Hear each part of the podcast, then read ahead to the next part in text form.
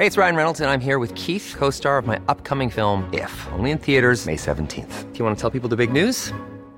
All right, I'll do it. Sign up now and you'll get unlimited for $15 a month in six months of Paramount Plus Essential Plan on us. Mintmobile.com slash switch. Upfront payment of $45 equivalent to $15 per month. Unlimited over 40 gigabytes per month. Face lower speeds. Videos at 480p. Active Mint customers by 531.24 get six months of Paramount Plus Essential Plan. Auto renews after six months. Offer ends May 31st, 2024. Separate Paramount Plus registration required. Terms and conditions apply if rated PG. I'm Sandra, and I'm just the professional your small business was looking for. But you didn't hire me because you didn't use LinkedIn jobs. LinkedIn has professionals you can't find anywhere else, including those who aren't actively looking for a new job but might be open to the perfect role, like me. In a given month, over 70% of LinkedIn users don't visit other leading job sites. So if you're not looking on LinkedIn, you'll miss out on great candidates like Sandra. Start hiring professionals like a professional. Post your free job on linkedin.com/achieve today.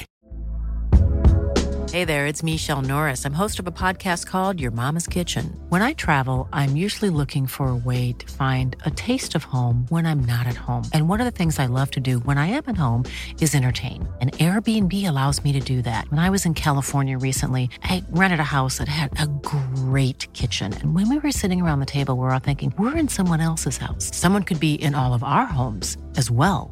If you have a home, but you're not always at home, you have an Airbnb. Your home might be worth more than you think.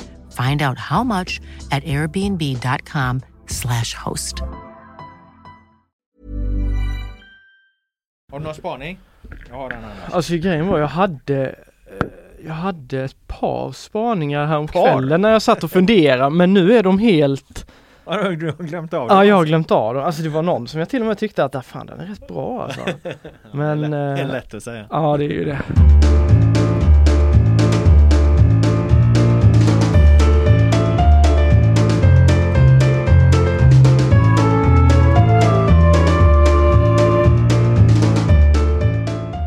Hej och välkomna till GPs fotbollspodd som fortfarande saknar ett namn men där vi fokuserar på Göteborgsfotbollen i allmänhet och Göteborgsfotbollen i synnerhet. Vi som gör det är jag, Robert Laul och Filip Troler. Hektisk vecka igen Filip. Du ramlar in 14 minuter försenad här. Hur har du det egentligen?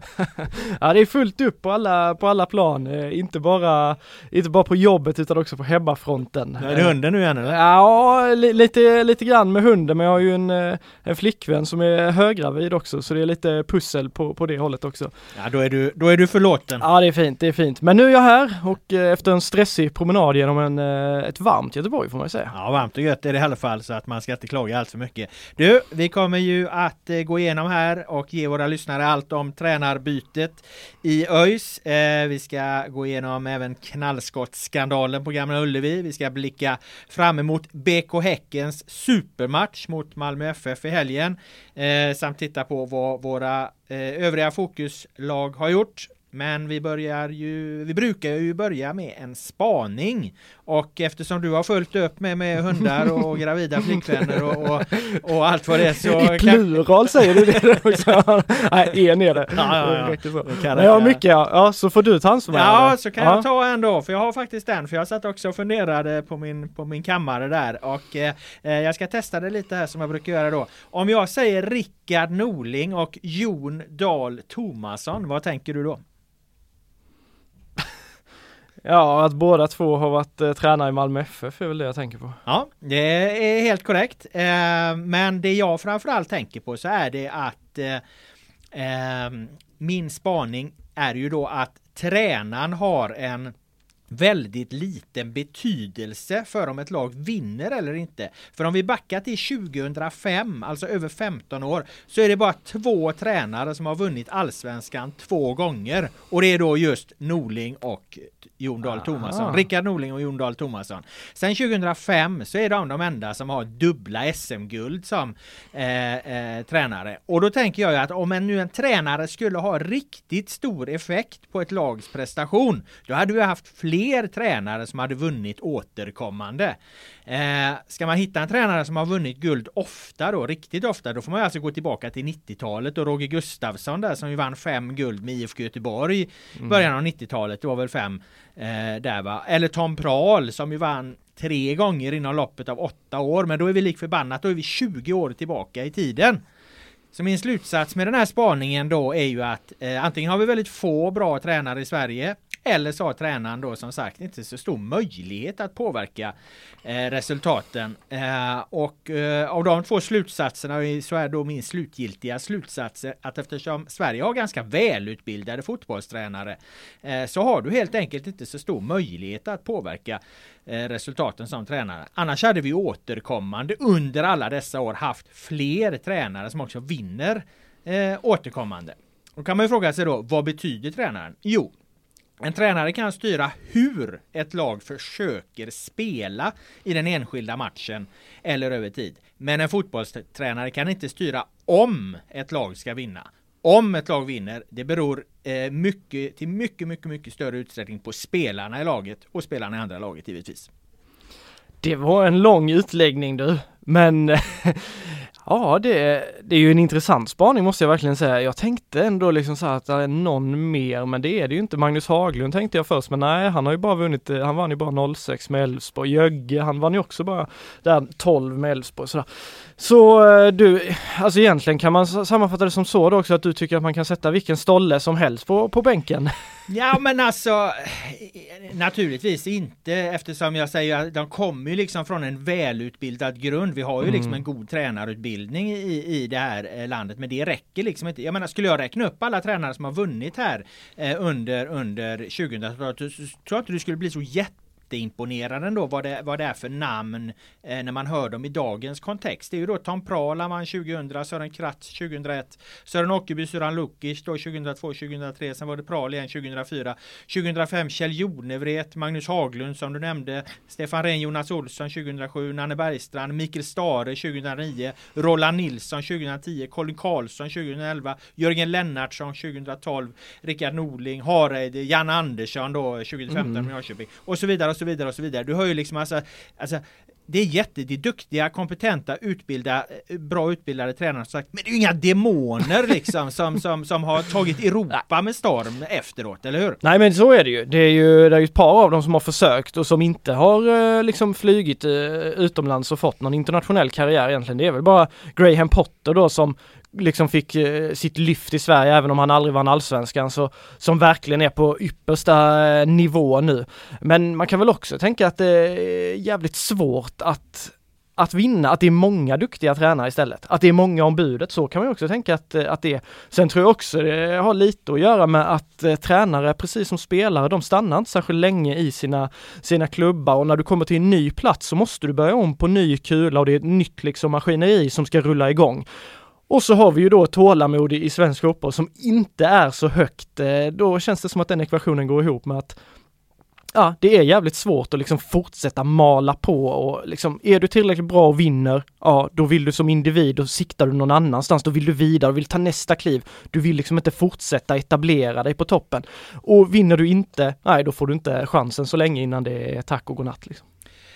Bra, eh, jag köper det också och eh, den här spaningen leder ju oss då in egentligen till dagens eh, huvudämne som ju handlar om just ett tränarbyte då i Örgryte IS som, ÖIS, eh, som ju dessutom spelar match ikväll ska jag säga också. Eh, när, utifrån när det här avsnittet spelas in så att de spelar ju redan ikväll och då är det då inte Dan Ivarsson som leder laget utan det är Brynja Gunnarsson.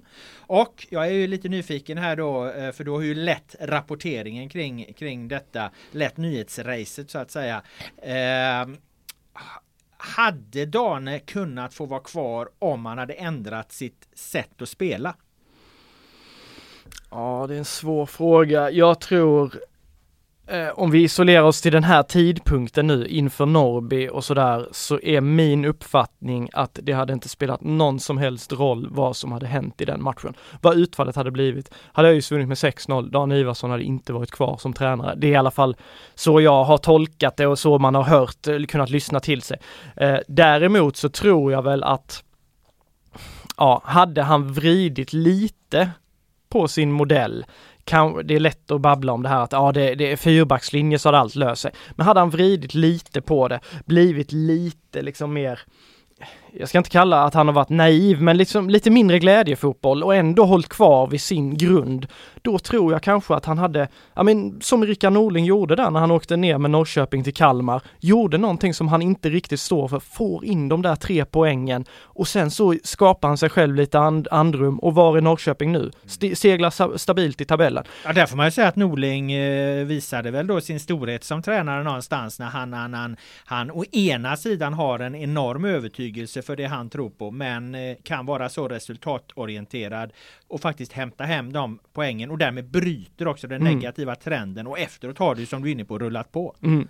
Och det, ja precis. Och Samtidigt så får man, alltså jag högaktar Dane för att han, han är så jävla dedikerad till sin modell och han har ju hela tiden sagt det där att hade han trott att de hade större chans att ta tre poäng genom att spela en annan fotboll så hade han gjort en Norling. Men han trodde ju inte det. Han trodde ju att den här truppen, det, det, deras framgångsrecept, det är genom att spela Danes fotboll. Nu blev det aldrig så och 0-0 eh, eh mot, eller 1-1 mot Norrby där och, och, det slutar liksom med, med sju matcher i, i superettan och de vinner inte en enda här under inledningen så eh, Ja, nej jag vet inte. Jag tror, jag tror faktiskt att Dane hade kunnat komma undan, men det hade krävts en förändring lite tidigare. Det var för sent nu. Eh, när man då gör ett tränarbyte och laget är så här ut ett utsatt läge, då, då tänker man lite, Häcken var ju lite liknande i, i fjol. De vann fan knappt heller en match på, på sju liksom. Då, då plockar ju de då in Per-Mattias Högmo som ju är en av, av Sveriges, eller på att säga, men, men gubben är ju norrman så att eh, Norges då mest erfarna tränare. Han har ju varit lite överallt och han har ju haft landslag på både dam och herrsida och, och um, han har gått bredvid Sir Alex Ferguson någon gång i tiden har för mig liksom. Han var ju här i Djurgården så han kan svensk fotboll. Jätterutinerad etablerad liksom eh, herre då. Eh, vilket ju man inte riktigt kan säga om, om, om ÖIS lösning i det här läget.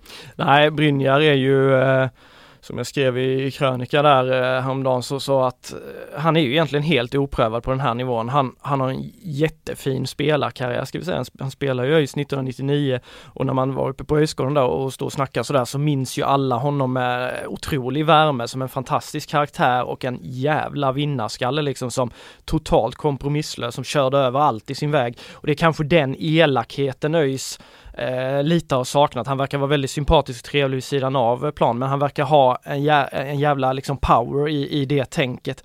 Men eh, och då är ju spelarkarriär som sen fortsatte då i Premier League bland annat, spelar många hundra matcher i Championship, var i Stoke, Reading, det är liksom, det är ju tunga klubbar ändå eh, för, eh, för en islänning och för, för om det hade varit en svensk spelare också. Men eh, tränarkarriären är inte, den är inte gedigen, det kan vi inte säga. Han, han la väl av 2013 och har sen verkat som någon slags assisterande tränare och, och huvudtränare i Skärnan eller hur man uttalar det och sen så då i, i den här senaste klubben HK då. Eh, och det är liksom så här, nu har de, han kommer liksom från andra ligan i Island, vad snackar vi för nivå då? Vad kan man tänka sig? Är det ettan nivå liksom? Det är knappt det tror jag. Och då är jag lite, Ja, som jag skrev där, jag tycker det är, det är ett högt spel. De, de väljer att spela här ÖIS, men eh, de har ju såklart fått fina referenser på honom. Erik Hamrén har ju nämnts där som en viktig, en viktig pusselbit till att det blev Brynjar och, och, och liksom eh, ja, talat gott om honom. Marcus Albeck är Brynjars rådgivare. Det, kan, det är två ganska tunga namn eh, i, i ÖIS-kretsar som haft kanske ett finger med i spelet. Och då är det, ja. Det, det förklarar ju saken höll jag på att säga. Men... ja, nästa. Nej men det ska vi inte säga men de, de, måste naturligtvis ha gjort en, liksom en research här som visar på att de, de tror att Brynja är rätt person på, på, för att lösa det här. Men jag är lite förvånad över att det kanske inte kommer ett lite mer etablerat namn som man tar liksom på kort sikt här och försöker lösa den här säsongen och sen så tar man eh, liksom ett omtag. Men eh, Dane var ju också, alltså Dane och Johan Mattsson var ju likadant. Det var också oerfaret. De hade bara hållit till på som högst etta nivå. Eh, den, eh, den chansningen som man får säga att det var, den eh, resultatmässigt så blev det ju inte som ÖIS hade hoppats på eller trott. Eh, och nu gör man likadant eh, igen då kan man ju säga, så det, det förvånar mig lite men därmed ska man inte, som jag skrev också, man ska inte döma ut någon på förhand och han, han verkar ha en, liksom en jäkla ja, vinnar, vinnarmentalitet och Ja, det var det jag tänkte fråga dig lite om. Hur är han? För att jag menar bilden man har av Dan Ivarsson är ju att han är, vad ska vi säga, lite mer, vad, eh, han lever ju fortfarande så att man, eh, han, han är lite mer teoretiskt lagd och att eh, om man haft en pendel liksom som, som eh, slår åt det hållet så nu vill man ha in en, en, en, en pådrivare, en general, någon som kan liksom gjuta eh, mod i styrkorna, alltså som kan peppa, tagga, tända spelarna liksom att, att, att, att lyfta sig Eh, helt enkelt till den nivå där, där de borde kunna vara. Ja men precis, så är det ju sen Eh, jag tror Dane skulle bli, han, han, han avskyr när vi säger att han inte liksom står för att vinna är det viktigaste. Han tycker väl någonstans att det har blivit någon slags missförstånd bara för att de har pratat mycket om utveckling och hur man ska eh, agera för att man ska vinna så har det blivit någon stämpel på ÖIS att man då inte vill vinna eller att vinna inte är så viktigt. Eh, det, det menar ju han såklart att det är ju det viktigaste, det är alltid det viktigaste att vinna. Men nu får de ju in då en, en profil som kanske är lite mer talar i de termerna, alltså vågar trycka på här nu och, och sen höll han ganska låg profil under första träningen som vi var och besökte, tog för sig lite mer på den andra träningen han höll, han har ju hållit två träningar hittills. Eh, så jag vet inte hur liksom auktoritär han är i sitt ledarsätt, det får vi ju se lite hur han är vid bänken, ska bli intressant att se ikväll. Men eh, känslan är att de vill ha in lite mer, ja, inte, inte så mycket, jag vet inte, snack ska jag inte säga, men eh, ja, du fattar vad jag menar. Inte det här riktigt lika teoretiska. Nej, och, och för, för det ÖIS behöver och det, det som egentligen går att förstå det här beslutet på då, det är att de, de, de måste ju liksom få till en, en, en kortsiktig effekt här nu. Det kan man ju ibland få av ett tränarbyte. Det kommer in en, en ny röst, spelare som kanske inte har känt att de har, har, har fått en rättvis chans. Sådana känslor uppstår ju alltid i omklädningsrum. De känner att nu börjar de på nytt, så man liksom lyfter hela verksamheten Eh, eh, en, en nivå. Och får man till den kortsiktiga effekten, eh, eh får bort lite av trycket, tar ett, ett par trepoängare, då kan man ju kanske ramla ner någonstans då i ÖIS läge i, i, ett, i ett mer normalläge där man faktiskt får börja få ut max av det här manskapet. För att tittar man på spelartruppen så har de ju inte fått ut max av den. Det, det, jag antar att det är så de tänker, men då tänker jag också att det måste nästan ske direkt i förhållande till när vi spelar in det här. Det är ju onsdag. De möter Trelleborg ikväll hemma. Det måste vända nu. Det måste vända ikväll. De måste vinna mot Trelleborg. Punkt slut. Ja, ja, ja men lite så är det ju. Ser man till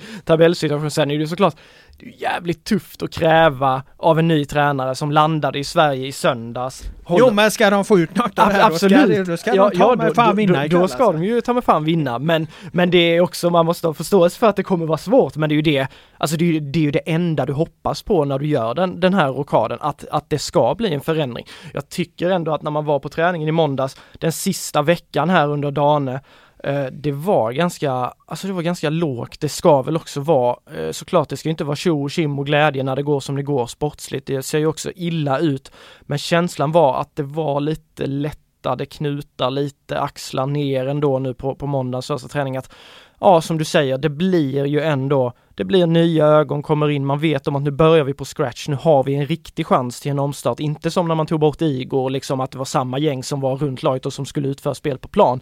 Nu är det en förändring, en förändring som ja, man får se till att verkligen försöka dra nytta av. Det man kan säga är väl bara, eh, apropå ÖIS och tränare då här, eh, som jag skrev också, att man, det, det här är alltså tränare nummer 13 sedan 2009 eh, och det du pratade om här i början då, att man, man inte vinner och att det, jag tror det att det, det skiftas jävligt mycket och, och för ÖIS del, de, de måste sluta hålla på så här. Sen vet jag att det är inte samma klubbledning nu som sitter där som satt där 2015 eller 2017 och sådär. Men som klubb och förening, alltså det måste få ett slut på det här eh, tränaralliansen för det, det går liksom inte att ta på allvar att de ska sikta mot allsvenskan när de håller på så här. Vi lämnar ÖIS där och eh, går över till IFK Göteborg som ju hade eh, hemmamatch här i helgen mot Varbergs Boys. Eh, slutade 1-1.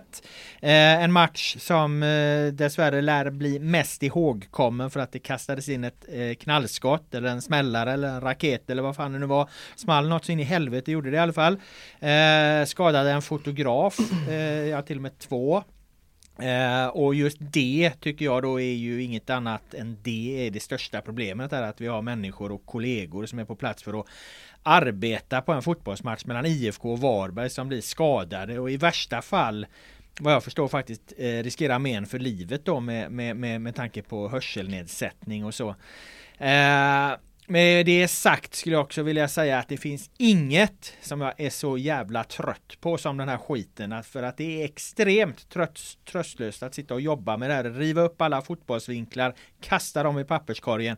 Sen intervjua matchdelegater och säkerhetschefer istället. Eh, och, och vad gäller de här liksom ordningsstörningarna, jag tycker det har varit alldeles för mycket i allsvenska nivåer eh, med inkastade föremål och, och, och, och, allt sånt där. Va? Så att, nu blir dessutom kollegor då skadade och då tycker jag att det är dags att ryta ifrån med kraft, vilket jag nu har gjort. Eh, tyvärr tycker jag inte riktigt att klubbarna gör det. Jag tycker de är otroligt försiktiga och ofta landar ganska snett när det, när det sker sådana här saker för de är så väldigt, väldigt rädda att säga någonting. Så då får jag göra det istället. Vad tycker du? Nej men först måste jag bara konstatera precis som alla andra redan har gjort som är vettiga i huvudet att eh, det är otroligt, eh, det är så otroligt ledsamt och det är så eh, Ja men det är tragiskt som du säger att det är, är, personer som är på, på matchen och som inte kan ha en trygg arbetsmiljö utan, utan riskerar att bli utsatt för det här och vi får bara önska eh, av hela hjärtat liksom att eh, att de inte drabbas av några per permanenta men. Um, och sen tycker jag också, ja det är klart att klubbar här, de, de, de behöver ju försöka på sitt sätt men jag tycker här ser man också, jag, jag är lite ledsen för IFK Göteborgs, även om de har ansvar för arrangemanget sådär.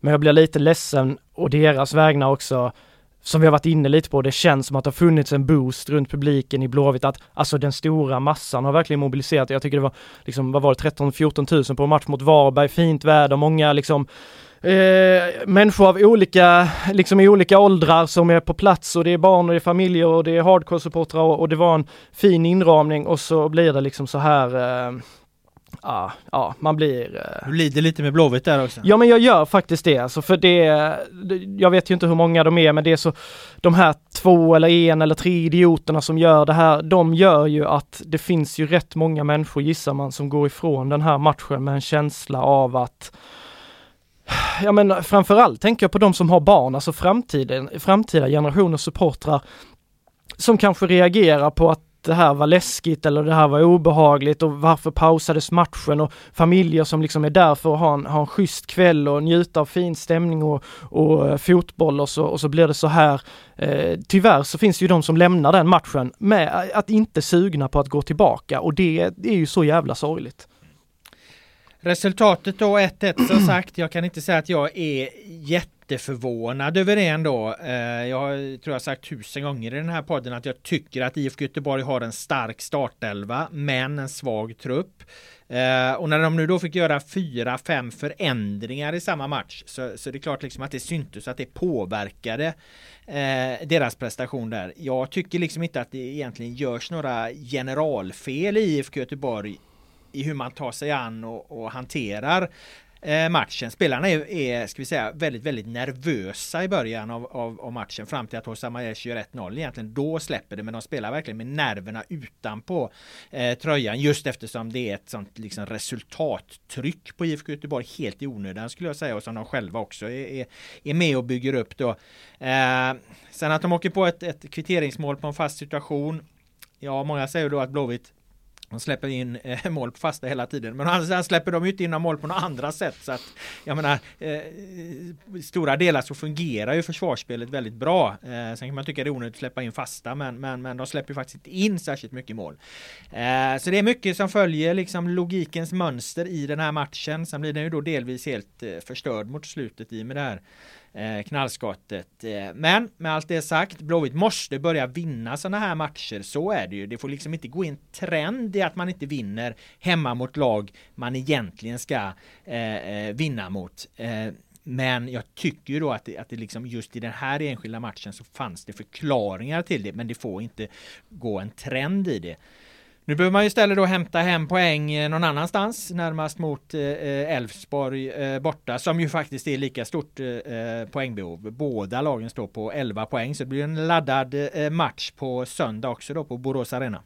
Ja, verkligen. Och det är som du säger nu, eh, vi pratade gott om Blåvitts första, första insatser i serien. De kom loss där med tre, tre segrar och så låter man det gå in i ett kryss och så blir det en förlust mot Malmö, inte så mycket att säga om och så kommer man hem, förlorar mot Kalmar och så åker man upp och förlorar mot AIK och så är det press på dem mot Varberg och så lyckas de inte med det och så har de hamnat i en ond spiral istället och så börjar det, börjar det likna. Och jag måste säga, jag satt och tittade på Stockholmsderbyt eh, innan den här matchen. Och eh, Alltså första halvlek, Blåvitt var, det måste ju vara bland det sämsta vi har sett i Allsvenskan i år eh, kvalitetsmässigt. Jag har ju sågat Gais eh, för, för, när jag har suttit och tittat på ettan, eller jag har sågat ettan rättare sagt, men jag kände inte att det var någon större skillnad mot ettan nu för det var så kast alltså. Men tänkte du på det jag sa där att de, eh, när de gör sitt mål i 30 minuten så då ser man, då direkt så får de ett bättre ja, anfallsspel ja. och skapar fler chanser. Alltså, så att jag, jag tolkar det som att de spelar verkligen med, med nerverna utanpå tröjorna i kombination med det här då att de hade liksom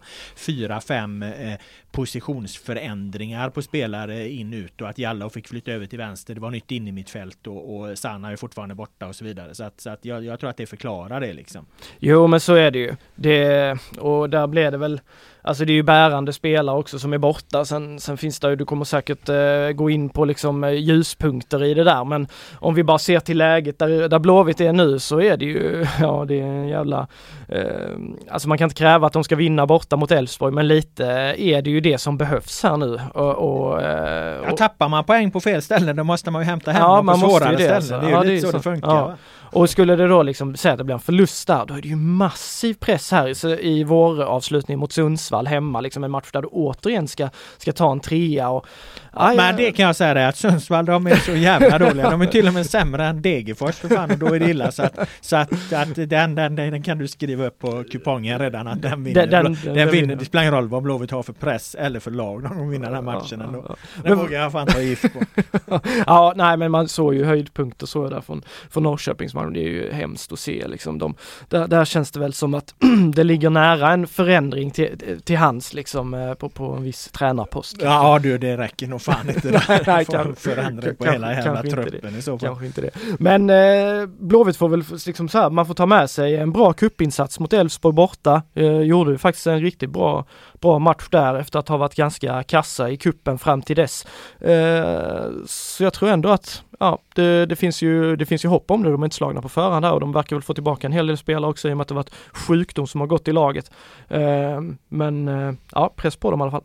Jag har en Svennis-skala från den här matchen. Eh, Alexander Jallow ger jag bra. Eh, för jag tyckte han var just bra på en ovan position. Han fick ju spela vänsterback. Eh, apropå sjukdom som du nämnde. Han hade ju dessutom eh, feber och åkte på feber igen. Så frågan är hur feberfri han egentligen var. Det var, det var liksom en riktig krigarinsats han gjorde på en, på en eh, inte helt ovan men ändå ovan eh, position. Så han får eh, han får det. Jag tycker hans form verkligen går, om jag bara flikar in, jag tycker verkligen hans form har gått uppåt här på slutet. Alltså, han eh, har sett riktigt bra ut i de senaste matcherna, kanske en av Blåvitts mest form, formstarka spelare och göra det med feber, liksom så här, sju, lite sjukdom i kroppen. Det är jävla styrkebesked av Jallo. Ja, och sen när man ser honom samtidigt då som Emil Salomonsson är på planen så ser man ju också att det är inget liksom snack om Stares, att Stare har haft rätt när han har tagit ut laget där och låtit Jallo gå före Salomonsson för att, för att eh, Jallo är i dagsläget en bättre fotbollsspelare.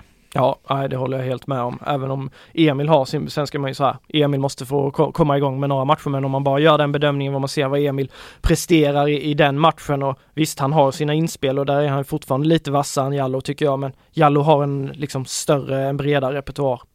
Så är det. Eh, Marcus Berg är mycket bra. Eh, spelar fram Hossam Aiesh eh, till målet. Eh, Aiesh var ju naturligtvis med och nosar här också eftersom han blir målskytt då. Men jag tycker ändå att, att Berg återigen gör så pass många kvalitetsaktioner och då ska man tänka på att, att eh, konkurrensen var ju inte mördande på något sätt i den här insatsen. Därför hamnar Berg på, på mycket bra. Det som är Bergs minus då det är ju att, att eh, det är ju att han eh, bränner ju ett väldigt, mm. väldigt bra läge till 2-1 där han skjuter över från ganska nära håll och man kan väl tycka såklart att, att en spelare av Marcus Bergs med Marcus Bergs eh, kapacitet eh, och, och kvalitet ska sätta den. Samtidigt tittar man på hela matchen så får man se hur mycket han jobbar i defensiv. Så ser man hur mycket han jobbar i defensiven. Och då förstår man ju också att det är mycket det är långa löpningar för honom när han ska ta de här uh, avsluten. Det är många meter han lägger innan han är framme. Han kan liksom inte ligga och fiska där runt straffområdesgränsen och, och ha 100% fokus bara på att trycka dit bollarna. Utan han gör ett jävla jobb för, för,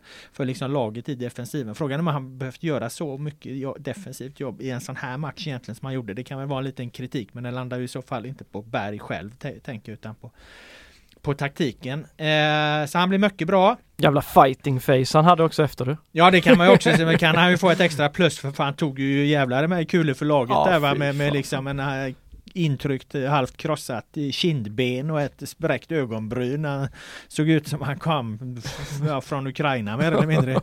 ja, nej, men jag tänkte på det, helvete vad de tog han hårt alltså. Det var många. Sen var det någon duell där som var liksom mest i otur sådär, men han fick mycket, mycket stryk alltså. Ja, ja, man blir ju nästan lite så orolig där när den smäller mot huvudet liksom för Blåvitts del att ja shit ska Berg också behöva kliva här men han, eh, nej, i alla karaktär på honom får man ju ge honom verkligen. Ja, han sa i alla fall i måndags när jag var uppe på Kamratgården att han kommer spela mot Elfsborg. Det var inga problem. Eh, mycket, mycket bra då. Det blir debutanten Johan Bångsbo. Eh, det, var ett, det var inte bara en allsvensk debut för honom. Det är alltså hans tävlingsdebut. Han har aldrig spelat en tävlingsmatch för IFK tidigare. Han gjorde två eh, två eh, träningsmatcher i våras här. 19 år, eh, mittback, eh, rejäl mittback, bra i luften, eh, var på rätt plats i princip hela tiden skulle jag säga. Han var trygg med bollen, använde båda fötterna i, i, i när han fördelar där eh, bak och var väldigt lugn, eh, lugn och går rakt in då.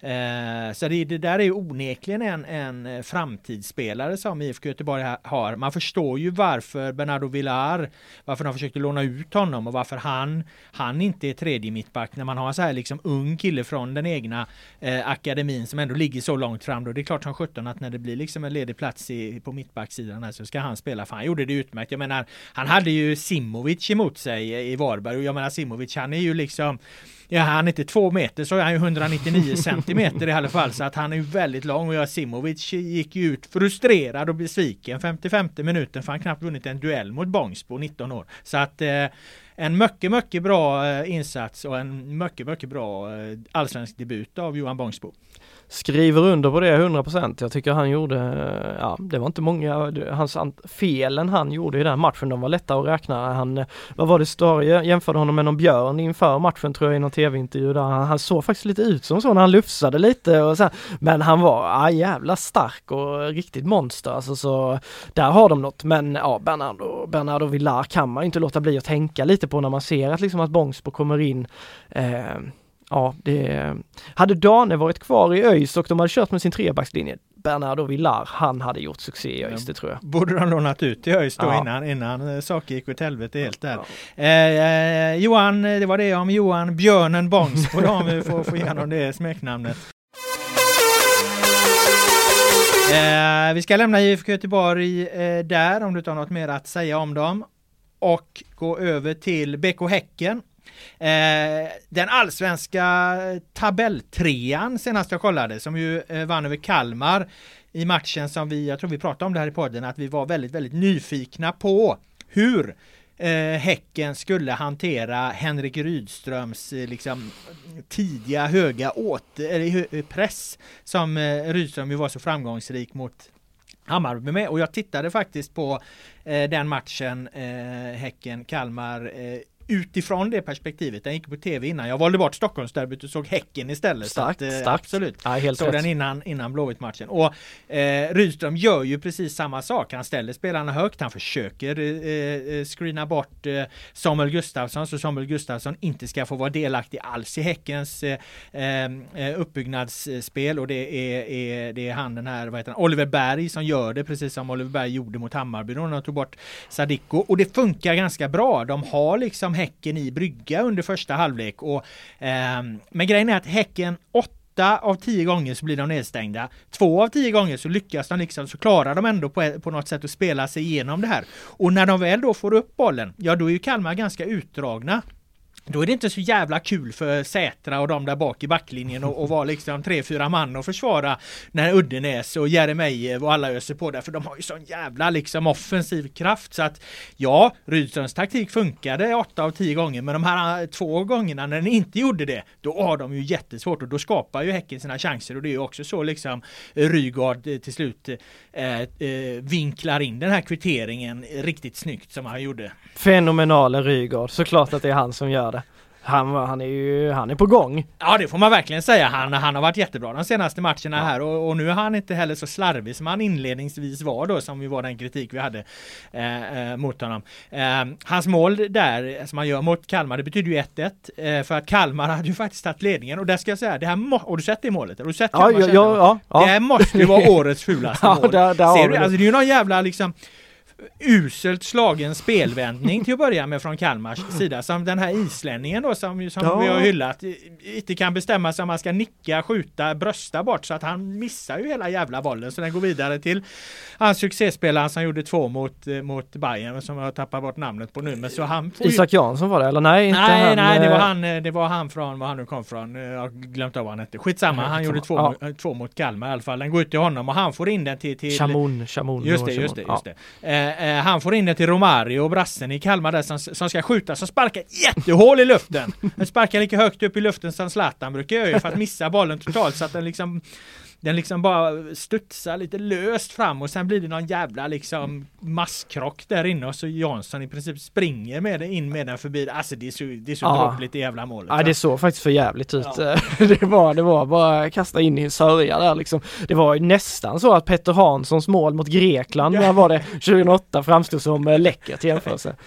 Eh, eh, och nej men och sen så var det den här då, gör de ju liksom eh, 3-1 målet är ju på Jeremejeff på straff men det är ju Blair Turgott inhopparen, det är ju tidernas filmning. Han lägger ju sig för fan en kvart innan målvakten kommer. Men han får ändå straffen för målvakten tycker väl att, eller eh, domaren tycker väl att målvakten då, eh, eh som Brasse också där, stänger vägen för honom på något vis. Men han lägger ju sig långt, långt innan så att det delas ut ett gult kort i det läget och, och jag är helt säker på att, ja men vad fan det, det, det, det är ju Blair Turgott, han får kort för filmning liksom. Mm. Men mm. nej, det var, det var straff liksom. så. så att det var ju, jag menar det är lite det jag säger, jag skrev det i någon krönika där att det fan det är Frågan är om inte Häcken är allsvenskans roligaste lag alltså, för det händer så jävla mycket grejer när de spelar åt alla möjliga håll liksom. Konstiga äh, grejer men väldigt, väldigt underhållande. Och nu var det ju fyra nya mål liksom. Ja, ja nej men det, jag skrev under, nu såg jag inte denna matchen men jag har ju sett mycket av Högmos Häcken här i år och eh, de, eh, jag håller med, alltså det är jävligt roligt att se. Det är, jag tycker ett sånt lag som Elfsborg är också otroligt roligt. När de funkar så, så är de också jäkligt underhållande att titta på Hammarby också sådär. Men Häcken, det händer mycket runt Häcken och det känns som att de har hittat en stabilitet och när de har fått till den stabiliteten så är det som du säger, de har ju en otrolig jäkla offensiv. Och när en sån som Rygaard börjar komma rätt, Samuel Gustafsson har varit bra hela tiden, Jeremejeff är stekhet, Uddenäs, Leo Beng, alltså och så kommer Blair Turgott Alltså de har ju, det är ruggig uppsättning där nu och att Turgott, även om det då är en filmning, så kommer han ändå in direkt och bidrar. Det är också sånt som är viktigt. Får de till ett vapen som börjar liksom ja, tillföra saker omedelbart och eh, breddar truppen ytterligare så är Häcken, äh, Häcken Malmö nu på söndag. Äh, det, det blir riktigt intressant. Vi ska komma in på den, jag ska bara dra Svennisskalan ja, från matchen ja. snabbt här. Eh, jag ger Peter Abrahamsson eh, bra. Eh, jag tycker att han, för att de trycker på ganska bra får man ändå säga. Kalmar, de, de, de jagar ju liksom både kvittering och reducering här och, och Abrahamsson återigen eh, så bra så han är värd att lyfta i den här matchen. Eh, och nu ska du spetsa öronen. Mycket bra, Mikael Rygaard. Eh, han hade ju en fin frispark där innan han gjorde sitt 1-1 mål också. Han var, var bra hela matchen, inte lika slarvig längre som sagt. Men vi måste ju faktiskt ge Alexander Jeremejeff högsta utmärkelsen här nu. Eh, han blir mycket, mycket bra. Jag menar, han fortsätter ju bara leverera. Nu, nu, nu liksom placerar han in ett måltjuvsmål och så satte han en, en, en eh, stensäker straff. Åtta mål ensam. Han hade gjort lika många som IFK Göteborg. Ja, det är, eh, ja, det är ju naturligtvis ett underbetyg till Blåvitt också. Men Jeremejeff har vi jag börjar nästan så här, det är klart att han har haft många, ett par riktigt fina perioder, eh, bland annat i Häcken. Men det är ju nästan så att man, det han tillför nu och på hur många olika sätt han bidrar och sådär, så är det ju nästan så att man skulle säga att han är bättre än någonsin faktiskt. Ja, och det kommer lite från ingenstans. Jag menar gubben tränar ju fan lite här i, i, i våras. Vi var ju där, i, eller jag och Linus, vår gamla kollega, vi var ju i Marbella där liksom. Han, vi såg ju inte röken av honom ute på träningsplanen under två veckor där. Och, och liksom tänkte att det blir nog inte mycket med Jeremejeff i, i, i år va. Och sen så liksom har han långsamt så, så liksom rosslade han igång där under träningsmatcherna ja, när ja. han kom hem va. Och, och, och nu åtta mål, skyttekung liksom i hela jävla allsvenskan. Så att det, det är en otrolig utväxling. Ja, verkligen. Framgångsrecept då helt enkelt bara sola i Marbella, ta det lugnt där. Ja, så, det, man kan väl göra så när man börjar bli lite äldre och rutinerad. Men nu läste jag någonstans, det var väl i våran tidning för övrigt, att han var sugen på ett nytt uh, utlandsäventyr här. Det kanske blir Häckens fall här nu då, att han sticker här nu till, till sommaren när han vräker in alla dessa mål. Ja, precis. Alltså det hade ju varit roligt, alltså ur Häcken-perspektiv framförallt, alltså så här att, att han hade gett en hel säsong, att hela det här Uddenäs, Bengtsson, Rygaard, att Samuel, att hela det gänget hade stannat en hel säsong. Det skulle vara så jäkla kul att se hur, hur långt det kunde bära. Men skulle det bli så att Jeremejeff går i sommar, vilket man väl ändå får säga inte skulle vara någon hel chock, så har de ju nu Blair Turgott som har visat att han har ju levererat på allsvensk nivå tidigare. Så de har det ju väl förspänt där. Um, men ja, det är väldigt intressant. Alltså, vi, fan Jeremejeff, han var ju inte riktigt, inte helt gjuten i Högmos 11 ens i höstas. När Nej, vi spekulerar ja. ju här i att han faktiskt då, eh, Benny Traoré där egentligen skulle passat bättre i, i Högmos spel då med pressspelet och så. Men Högmo har ju flera gånger sagt att han tycker att Jeremejeff eh, utvecklas och, och eh, i, i pressspelet där också. Så att, eh, så att eh, eh, det är väl så då. Ja, och det tycker jag också är otroligt intressant att, eller otroligt intressant, men jag, jag tycker det är positivt när man kan växa in i det på ett så sätt, för det är så lätt att man säger, okej okay, en tränare kommer in och sen så blir det några spelare som får förtroende, några andra eh, får det inte och så blir det lätt att det börjar gnissla och så försvinner de spelarna och sådär. Istället så, så maler man på, man, man lär av varandra och man har tålamod i det och Högmo liksom han är prestigelös där, han ser att när Jeremejeff är där så pass som han tycker att han måste vara, då är Jeremejeff, då är han given igen. Liksom. Och nu möter Jeremejeff och hans Häcken då eh, eh sitt gamla lag. Eh, Alexander Jeremejeff hade ju en session i Malmö FF för det som minns den.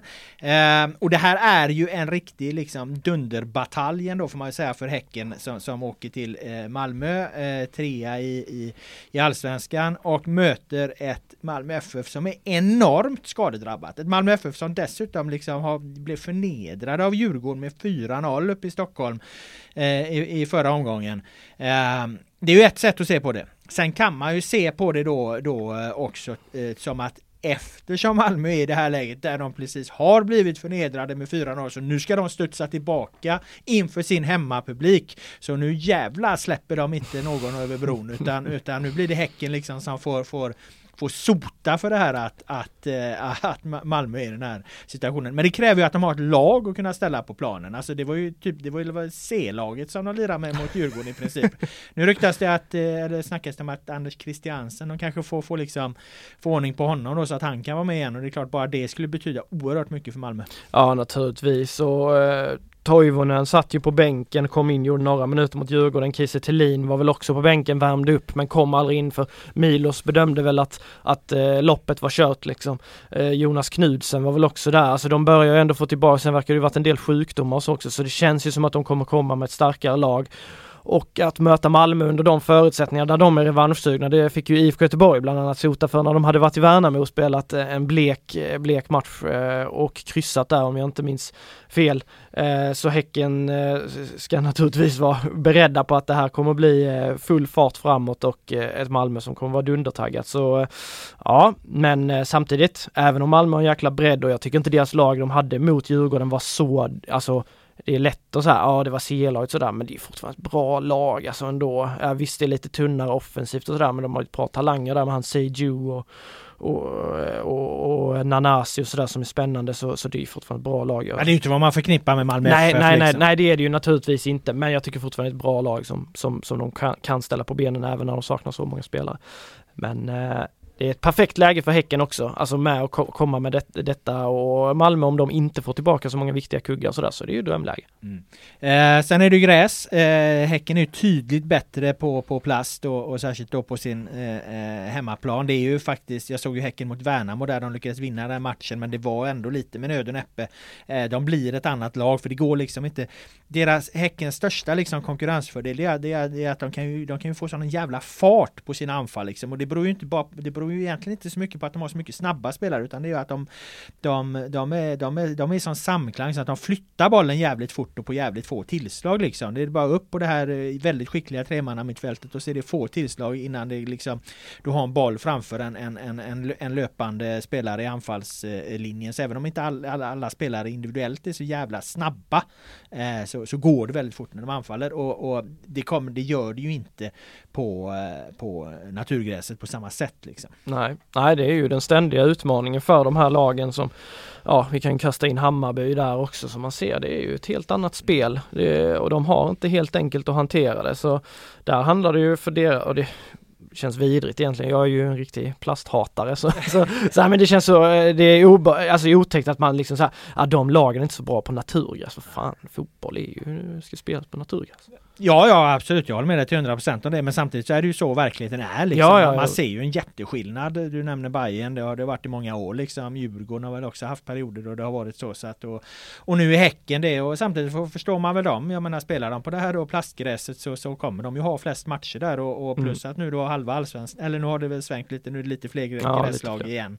Men, men så är det ju ett gäng andra då, så du spelar ju då som fler matcher på det. Så att då, då blir det ju logiskt att anpassa spelet efter det. Eh, Naturligtvis. Och just, där, av just därför den anledningen så har jag inga som helst problem med att säga att här är det läge för ett förbud. Det är, jag, ser, in- jag ser noll problem med att, med att förbjuda plastgräs. Alltså inga problem säger jag. Alltså, det är överhuvudtaget inte.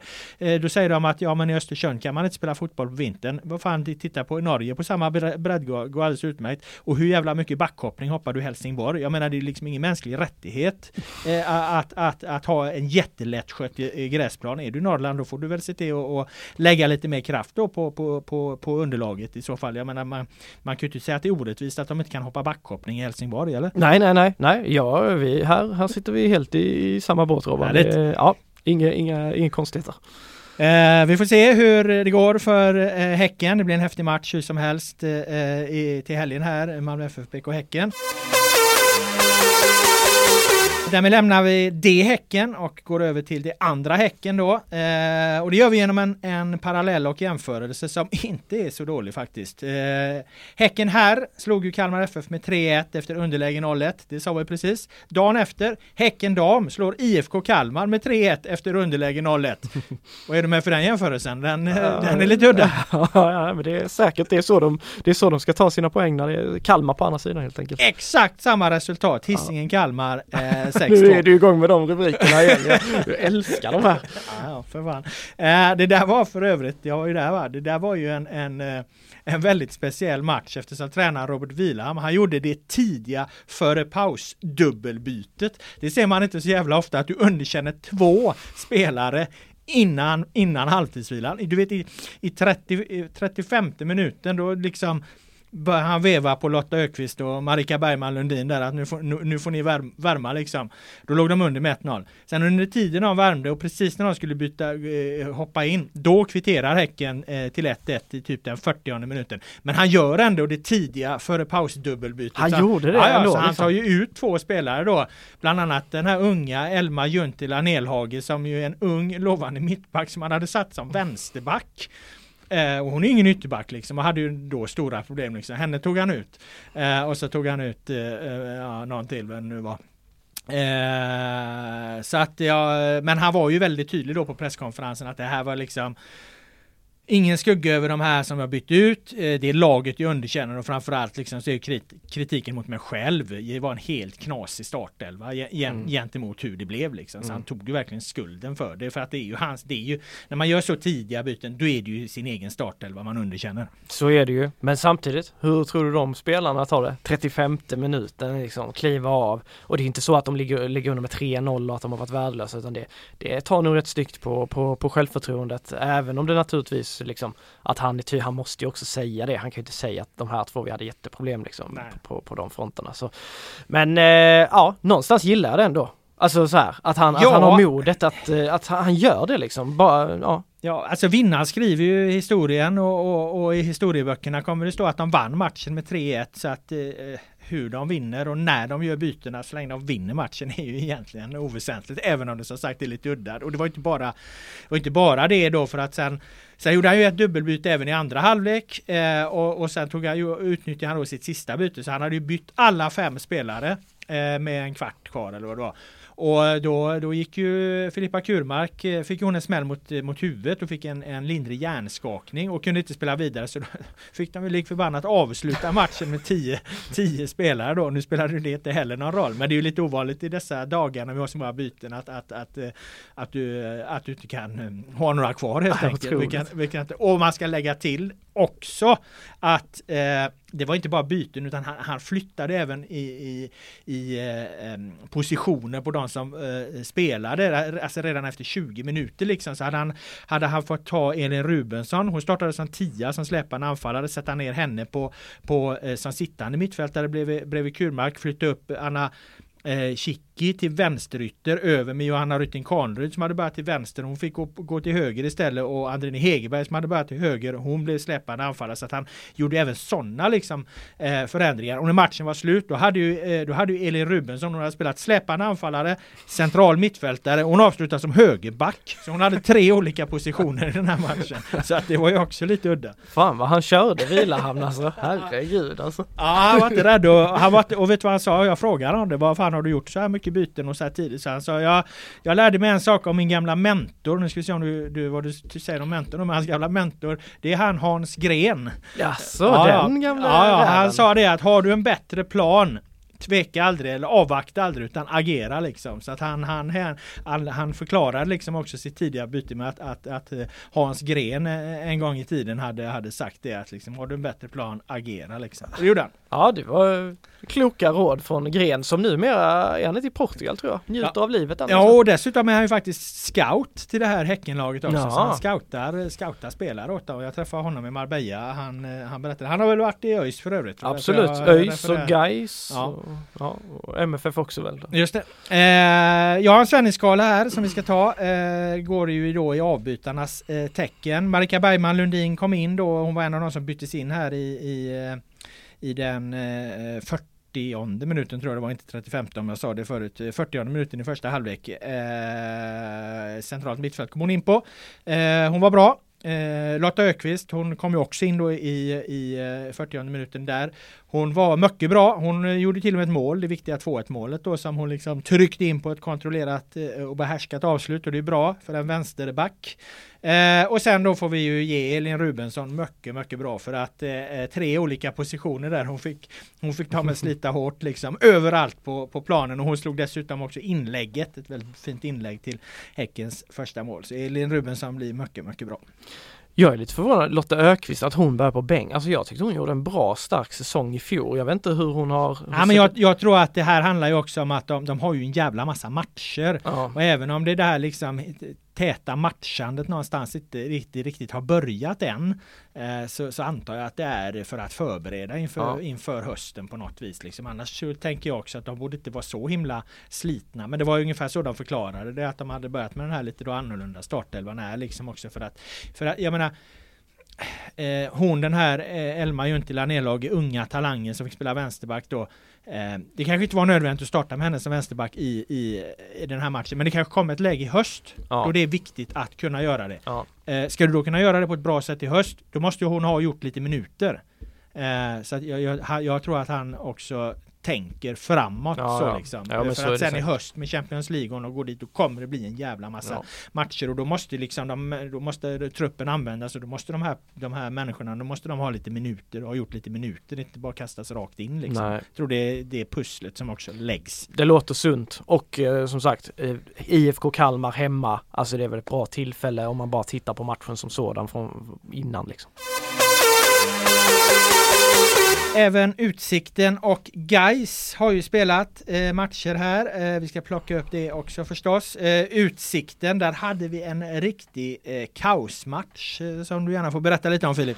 Ja, det var riktigt eh, stökigt. En match som alltså slutar 5-2 till, till J Södra och en sju helvetes massa, det var tuffa dueller och situationer och, och en hel del kort också. Och, Då undrar man ju hur många Jesper Brandt fick. Precis, och då kan vi ju berätta. Jag hoppas Linus Pettersson sitter och lyssnar nu. Jesper Brandt, han tog ett gult och så tog han ett gult till och så fick han syna det röda och så var eh, hans eh, första utvisning för i år eh, klar. Och Var, var, det, var det befogade kort eller? Var inget snack eller? Han själv tyckte inte att det var befogade kort. Jag ska säga, jag såg inte hela den här matchen heller och jag såg faktiskt inte någon av situationerna med Brandt. Men eh, det var rätt så tuffa satsningar, men det är ändå lite så här. Det är inga, du vet, inga Eh, mördarsatsningar liksom så här. Men eh, ja, det här, jag tycker bara det är, det är ett statement. Jesper Brandt, råskinn, Linus, gå och lägg dig.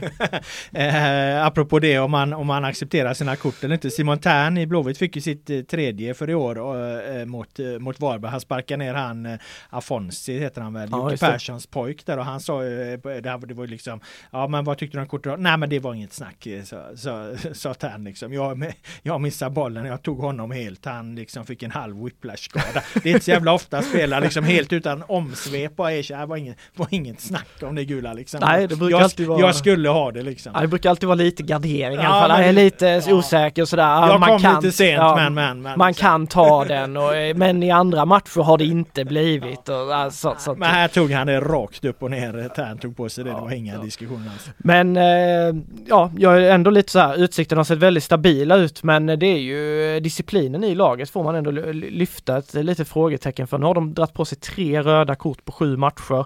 De har 18 gula tror jag på, på sju matcher. Det är, det är bara Norrby hade nog fått Och 19. 18? Ja, 18 eh, gula, så det har haglat. Eh, Boskos eh, gäng, jag tror också de har dragit på sig flest antal frisparkar i, i serien.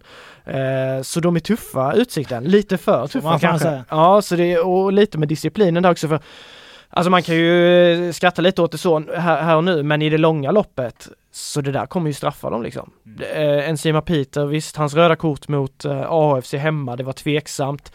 Men det är ändå så här, den matchen förlorade de, en match som de annars hade bra kontroll på, gjorde en stark insats. Den här Jönköpingsmatchen, de hade haft goda möjligheter att vinna den också om, om de inte hade ja, men varit lite slarviga och sen också haft eh, satt sig själva i dåliga lägen då med, med att man inte är tillräckligt disciplinerad. Så det är ett litet frågetecken för Utsikten. Bosko måste få ordning på det där. Eh, Ja men kort kostar ju. Det är ju samma med, jag vet att Blåvitt låg högst, hade flest eh, varningar här nu. Jag menar nu börjar det, nu börjar det kännas. Nu är Tern borta mot, mot Elfsborg. Gustav Mm. Svensson är kanske ett frågetecken. Då har du inte så jävla mycket in i mitt fält kvar där. Nej, det Så blir att- ju den då- aspekten också, ja, då liksom att blir det- spelare försvinner Ja. efterhand. eh, Och Utsikten, visst de har en ganska, tycker jag ändå med, med tanke på deras situation, så här förhållandevis bred trupp, men det är klart att försvinner spelare liksom så här, det kommer ju försvinna nu och det är ju de här omgångarna och framåt som det börjar bli att man får känna på, på de här tre gula som han har lagt på sig och sådär. Så nej, det är ett frågetecken och eh, lite extra surt för Bosko också kan jag tänka mig att han torskar just mot Jönköping. Det är många av hans gamla adepter där med Junes Barney och Edin Hamidovic och, och de här som han inte drog riktigt jämnt med när det begav sig en gång i tiden i Gais. Eh, så eh, det smärtade nog lite extra för Orovic. Mm. Nya tag för Bosko och apropå Gais där som du ju så fint nämnde. Eh, 1-1 mot eh, Lunds BK. Det får man väl ändå säga var en, en ganska stor missräkning då för ett ineffektivt Gais. Otroligt stor missräkning får man säga. Lund är ju ett lag som vi i alla fall förväntar oss att de kommer hålla till på undre halvan. Nu har Gais fått en hemmamatch mot Torns, där var det proppen ur och de öste in mål. Eh, mot Lund var det tillbaka lite till gamla synder, eh, så inte hela denna matchen heller. Eh, men eh, det, statistiken visar att det skapas en jävla massa chanser. Guys eh, ligger högst av samtliga lag, både ettan, södra ettan, norra, när det gäller expected goals eh, så här långt in på säsongen. De har verkligen liksom, i början var det lite torftigt de första matcherna, skapade inte så jävla mycket. Här skapar de massvis av chanser, men de måste sätta dit bollen. De har expected goals på uppåt fyra på den här matchen, tre eller fyra liksom. Eh, och att man får med sig 1-1 därifrån. Eh, Nej, de, de behöver vinna de här hemmamatcherna. De har själva varit inne på också att många av bortamatcherna kommer vara på brötiga, ojämna gräsplaner och det kommer vara svårspelat och, och där det kommer vara mycket fysik. Hemma på Gamla Ullevi så ska de, där måste det liksom radas upp, upp eh, trepoängare. Eh, det är många lag som tuggar på där i toppen så ineffektiv, in, ineffektiviteten oroar, det måste jag ändå säga. Eh, det är ju ändå ett, ett eh, eh, vad ska man säga, ett bra dåligt tecken att ha så högt eh, XG för det tyder väl någonstans ändå på att, att Eh, på den här nivån så har ju Gais ett förhållandevis väl fungerande eh, grundspel som tar dem fram till alla dessa eh, chanser. Sen att, att, att de inte har haft så mycket pengar så att de kan köpa de liksom vassaste och mest kliniska avslutarna, för det är de som kostar mest pengar i fotboll, är, är kanske inte så konstigt då, men, men de har ändå då ett grundspel som funkar som tar dem till till alla de här lägena. Ja men så är det ju. Det är klart att man hellre ser att det ser ut så i XG-kolumnen än att det inte ser ut ja, så. Om man ska ha något problem så, ja, så är det ändå ja, ett, bra problem. Hellre det, det liksom. Sen det som är lite bekymmersamt för Gais del är att det har faktiskt sett så ut i ganska många år nu att de har faktiskt kommit till en hel del chanser. De har haft fler chanser och, eh, och har gjort färre eh, mål än vad de liksom ska göra då. Eh, och de har, eh, där tycker jag faktiskt man får vara lite eh, kritisk liksom. Jag tycker ju att de kom in i säsongen med en bra trupp. Eh, men anfallsfrågan, den centrala anfallaren, den riktiga strikern Ricky Järsuvat har de haft de senaste säsongerna. Han fick lite spolierat på grund av skador och sådär. Men annars har den här eh, liksom anfall, centrala anfallsfrågan har varit ett, ett stor problematik i guys under lång, lång tid nu. Och Michael Carbo, visst han, han hänger ett par kassar här och där men han är ingen riktig striker. Richard Friday har sett sisådär ut. Eh, Jonas Lindberg ingen riktig striker, Gustav Lundgren ingen riktig striker, Julius Lindberg ingen riktig striker. Det är duktiga offensiva spelare men inga strikers. Och de behöver den här kliniska målskytten.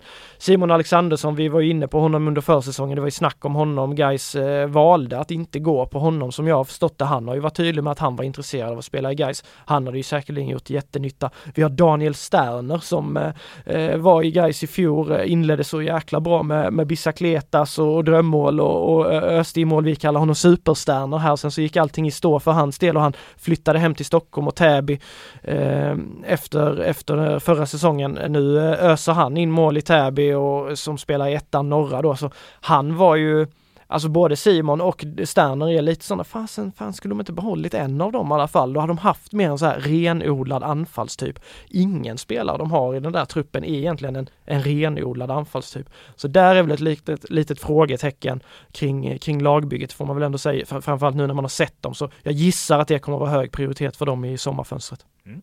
Eh, ett annat problem eh, har ju guys eh, supportrar kan man säga eh, eftersom eh, inför eh, nästa match här nu då mot Lindom så har det knappt gått att få tag på biljetter för du var tvungen att, fattar jag det rätt, att man var tvungen att vara, vara där på plats för att köpa dem eller hur fan var det? Ja det har varit riktigt old school här, jag vet inte vad man ska kalla men det har varit vid två tillfällen har man kunnat komma och köpa biljetter på Lindomes kansli för om, om man vill se matchen mellan Lindom och guys. De har alltså ingen webb webbförsäljning av eh, biljetter.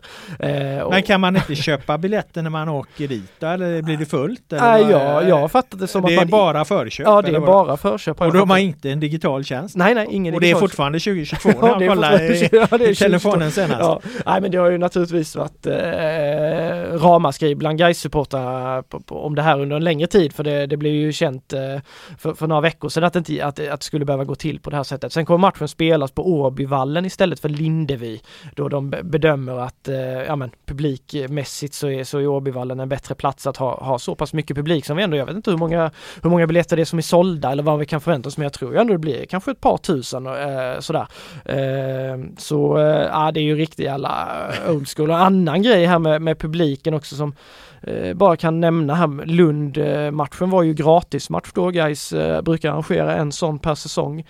Fantastiskt kul, det kom 3000 eh, personer på den matchen och det får man ju säga en riktigt fin siffra i, i ettan. Eh, guys brukar faktiskt få rätt så mycket publik på de där matcherna, men de lyckas ju nästan aldrig vinna dem. Jag tror de har hållit på med det här i 10-12 år och det är en seger, eh, möjligtvis två. Ni får eh, hänga med om jag har helt fel här. Men, men det hör i alla fall inte till vanligheten att de vinner. Det är ju så typiskt liksom. Man, ja, det förklarar kanske de efterföljande publiksiffrorna då, ja, att när de ska liksom göra gratis reklam ja. för sitt stolta lag så går det åt helvete ja, varje gång.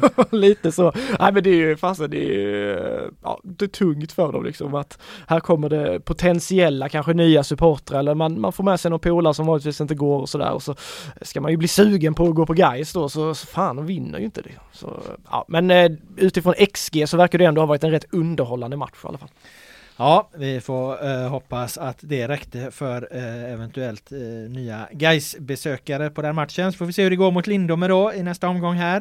Eh, det var vad jag hade tänkt och eh, duka upp på det här poddbordet idag, den här poddbuffén. Om du inte har något mer så tackar jag dig för din utmärkta insats.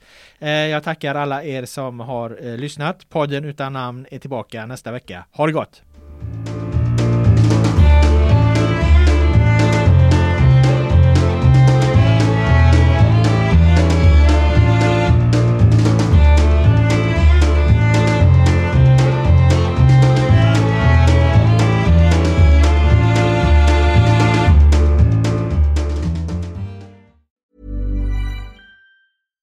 When you make decisions for your company, you look for the no-brainers. And if you have a lot of mailing to do, stamps.com is the ultimate no-brainer. It streamlines your processes to make your business more efficient, which makes you less busy.